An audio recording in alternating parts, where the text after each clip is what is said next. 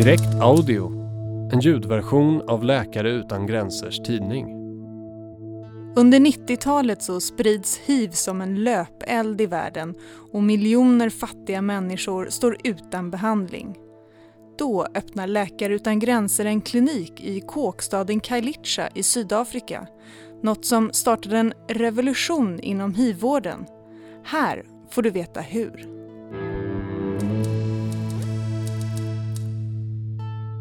Kampen för hiv-medicin. På 25 år så har hiv gått från en dödsdom till en kronisk sjukdom som det går att leva ett fullgott liv med. Och bakom utvecklingen så står aktivisters outtröttliga kamp för allas rätt till livräddande behandling. En augustidag 1999 så packar Erik Gomer, läkare och dåvarande generalsekreterare för belgiska Läkare utan gränser, sin väska för att flyga till Sydafrika. Hans uppdrag är att starta en hiv-klinik i en fattig kåkstad. Sydafrika har bara några år tidigare gjort sig av med apartheidregimen och faller nu allt djupare ner i en annan kris. Landet har vid den här tidpunkten fler hiv-positiva än något annat land i världen. Men för de svårt sjuka människorna är effektiv behandling fortfarande en avlägsen dröm. Eriks resa ska bli starten på en lång kamp för tillgång till hiv-behandling i Sydafrika och i förlängningen för fattiga människor världen över. Men låt oss backa bandet lite. Under 90-talet så sprids hiv som en löpeld. Samma år som Läkare utan gränser startar i Sverige, 1993, så lever 13 miljoner personer med hiv och 2,5 miljoner har utvecklat aids.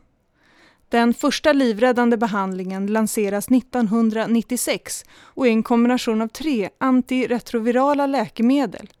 Äntligen så kan dödsdomen förvandlas till en kronisk sjukdom, fast bara för de som har råd. Att behandla en patient med de nya preparaten kostar 100 000 kronor om året och ses som något högst avancerat som enbart bör utföras av specialistläkare. Dessutom är risken stor att patienten avbryter behandlingen och då utvecklar resistens mot viruset, menar skeptikerna. Världssamfundet är överens om att låginkomstländer utan välfungerande sjukvårdssystem bör hålla sig till förebyggande åtgärder för att minska smittspridning. Även inom Läkare utan gränser, som är en akutorganisation, är det till en början omstritt huruvida man ska börja behandla patienter med hiv-aids eller inte. Efter många långa diskussioner så landar man i att hiv-epidemin, eller snarare pandemin, är att betrakta som en kris på samma sätt som en naturkatastrof eller en konflikt och att det därför är relevant för Läkare utan gränser att ge sig in i striden för bättre behandling. Projektet i Sydafrika, dit Erik Gomer nu är på väg, har ett mycket bestämt syfte. Det ska visa sig att antiretroviral behandling inte alls bara kan ges av specialister i rika länder, utan lika gärna administreras av primärvården i resursfattiga miljöer. Det vill säga, även människor i Sydafrika och andra fattiga länder har rätt att få tillgång till den nya behandlingen. Lotten har fallit på Kailicha, en myllrande kåkstad utanför Kapstaden. Inledningsvis så riktar sig Läkare utan gränsers klinik till gravida hiv-smittade kvinnor. Än så länge så har man inte tillgång till den nya livräddande trippelbehandlingen så därför behandlas kvinnorna med det äldre läkemedlet AZT. Det är inte lika effektivt som den nya behandlingen men minskar ändå smittoöverföringen från mor till barn med 50 procent. Men ryktet går och snart börjar allt fler svårt sjuka människor att dyka upp. Det var som att sortera stolarna på Titanic medan båten sjunker. Människor bars in på bårar och man kunde undersöka en patient och sen höra utanför väntrummet att nu är det någon som dör igen.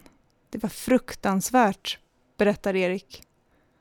Erik och hans kollegor inser att det är bråttom att få tag på de nya antiretrovirala medicinerna för att de ska kunna göra mer än bara behandla de följdsjukdomar som aids kan leda till.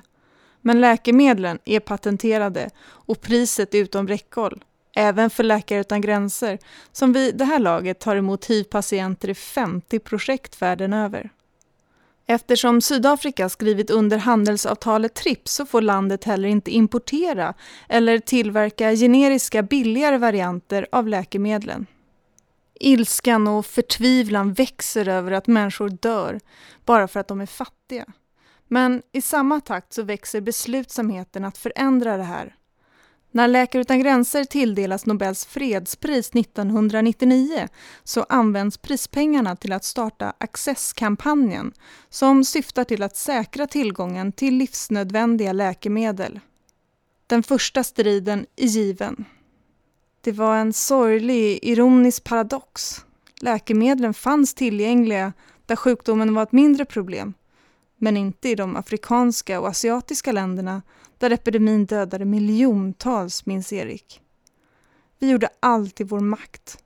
Namninsamlingar, mediala utspel, vi skrev offentliga brev till läkemedelsbolag och regeringar för att sätta press på dem. Den här protestvågen ger ringar på vattnet. Världshandelsorganisationen WTO antar 2001 Doha-deklarationen som fastslår rätten för enskilda länder inom TRIPS att importera eller tillverka generisk medicin för sjukdomar som utgör ett hot mot folkhälsan, vilket hiv och aids obestridligen är. Men i Sydafrika så infrias inte förhoppningarna. Det blir allt tydligare att regeringen inte avser att vare sig tillverka eller importera generiska hiv-läkemedel. Samarbetet med regeringen hade gnisslat redan från start. Flera tongivande personer förnekade sambandet mellan hiv och aids och sjukvårdsministern hävdade att bara man äter nyttigt så blir man frisk, säger Erik. Läkare utan gränser börjar på egen hand då att importera generisk medicin från Brasilien och kan äntligen börja ge patienter antiretroviral behandling i Kalicha. Men antalet sjuka fortsätter att öka och den lilla mängden läkemedel, den räcker inte. Hjälpen ska komma från oväntat håll. Den hiv-positiva aktivisten Saki Ahmat annonserar en personlig pillerstrejk tills dess att Sydafrika erbjuder alla hiv-sjuka behandling. Och självaste Nelson Mandela besöker Sakis hem för att övertala honom att ta medicinen. Erik är där och understryker det desperata behovet av hiv-läkemedel. Och några månader senare så besöker Mandela Läkare utan gränsers klinik. Vi gav honom en t-shirt med texten hiv-positiv och till allas förvåning så tog han på sig den. Dagen efter så dyker bilden på Mandela i vår t-shirt upp i varenda tidning. Ett mer kraftfullt politiskt budskap har vi nog aldrig lyckats förmedla. Han är för evigt min hjälte för det han gjorde för oss, säger Erik. Samma år så presenterar Läkare utan gränser de första resultaten från Kailicha 91 procent av patienterna står fortfarande på behandling och majoriteten mår bra. Nu införlivas Läkare utan gränsers vårdmodell även i UNAIDS och WHOs behandlingsrekommendationer. Ingen kunde längre förneka att behandling med antiretrovirala läkemedel kan skötas av primärvården i fattiga miljöer. Och det, det var en fantastisk vinst för oss, säger Erik. Alla påverkansinsatser ger till slut utdelning. I slutet av 2003 så annonserar Sydafrika att antiretroviral behandling ska införas på alla vårdcentraler i landet. Dessutom så ska fyra indiska bolag få sälja generiska hiv-preparat i landet. Med billigare medicin så växer också verksamheten i Kalicha. Behandlingsprogrammet är idag ett av de största och mest långvariga i Sydafrika och totalt har 35 000 patienter satts på hivbehandling. När vi introducerade idén så lät det som en medicinsk utopi. Men nu finns ju behandling tillgänglig inom primärvården i de flesta länder i Afrika söder om Sahara, säger Erik. Hiv-positiva kan leva ett fullgott liv. De kan försörja sig och se sina barn växa upp. Men i takt med att världen förändras så dyker nya utmaningar upp som till exempel resistens mot läkemedlen. Erik varnar därför för att leva på gamla meriter. Jag känner mig väldigt orolig över det minskade finansiella stödet till globala initiativ för att öka tillgången till behandling. Risken är att den positiva utveckling som vi har sett de senaste decennierna bryts. Jag var med under de där mörka dagarna på 90-talet och jag har bara en sak att säga om det. Det får aldrig bli så igen. Den här artikeln ingick i Läkare utan gränsers tidning Direkt nummer 4 2018. Sanna Gustafsson skrev artikeln och jag som läste in heter Katinka Agneskog. Du hittar fler inläsningar om du söker på direkt audio på plattformarna Soundcloud, iTunes, Acast, TuneIn med mera. Du kan ladda ned pdf-tidningen till din dator eller surfplatta på vår hemsida www.lakareutangranser.se. Sök på direkt så hittar du hela vårt tidningsarkiv där. Tack till Bjarki Kaikomo för musiken. Ansvarig utgivare är Oliver Schultz.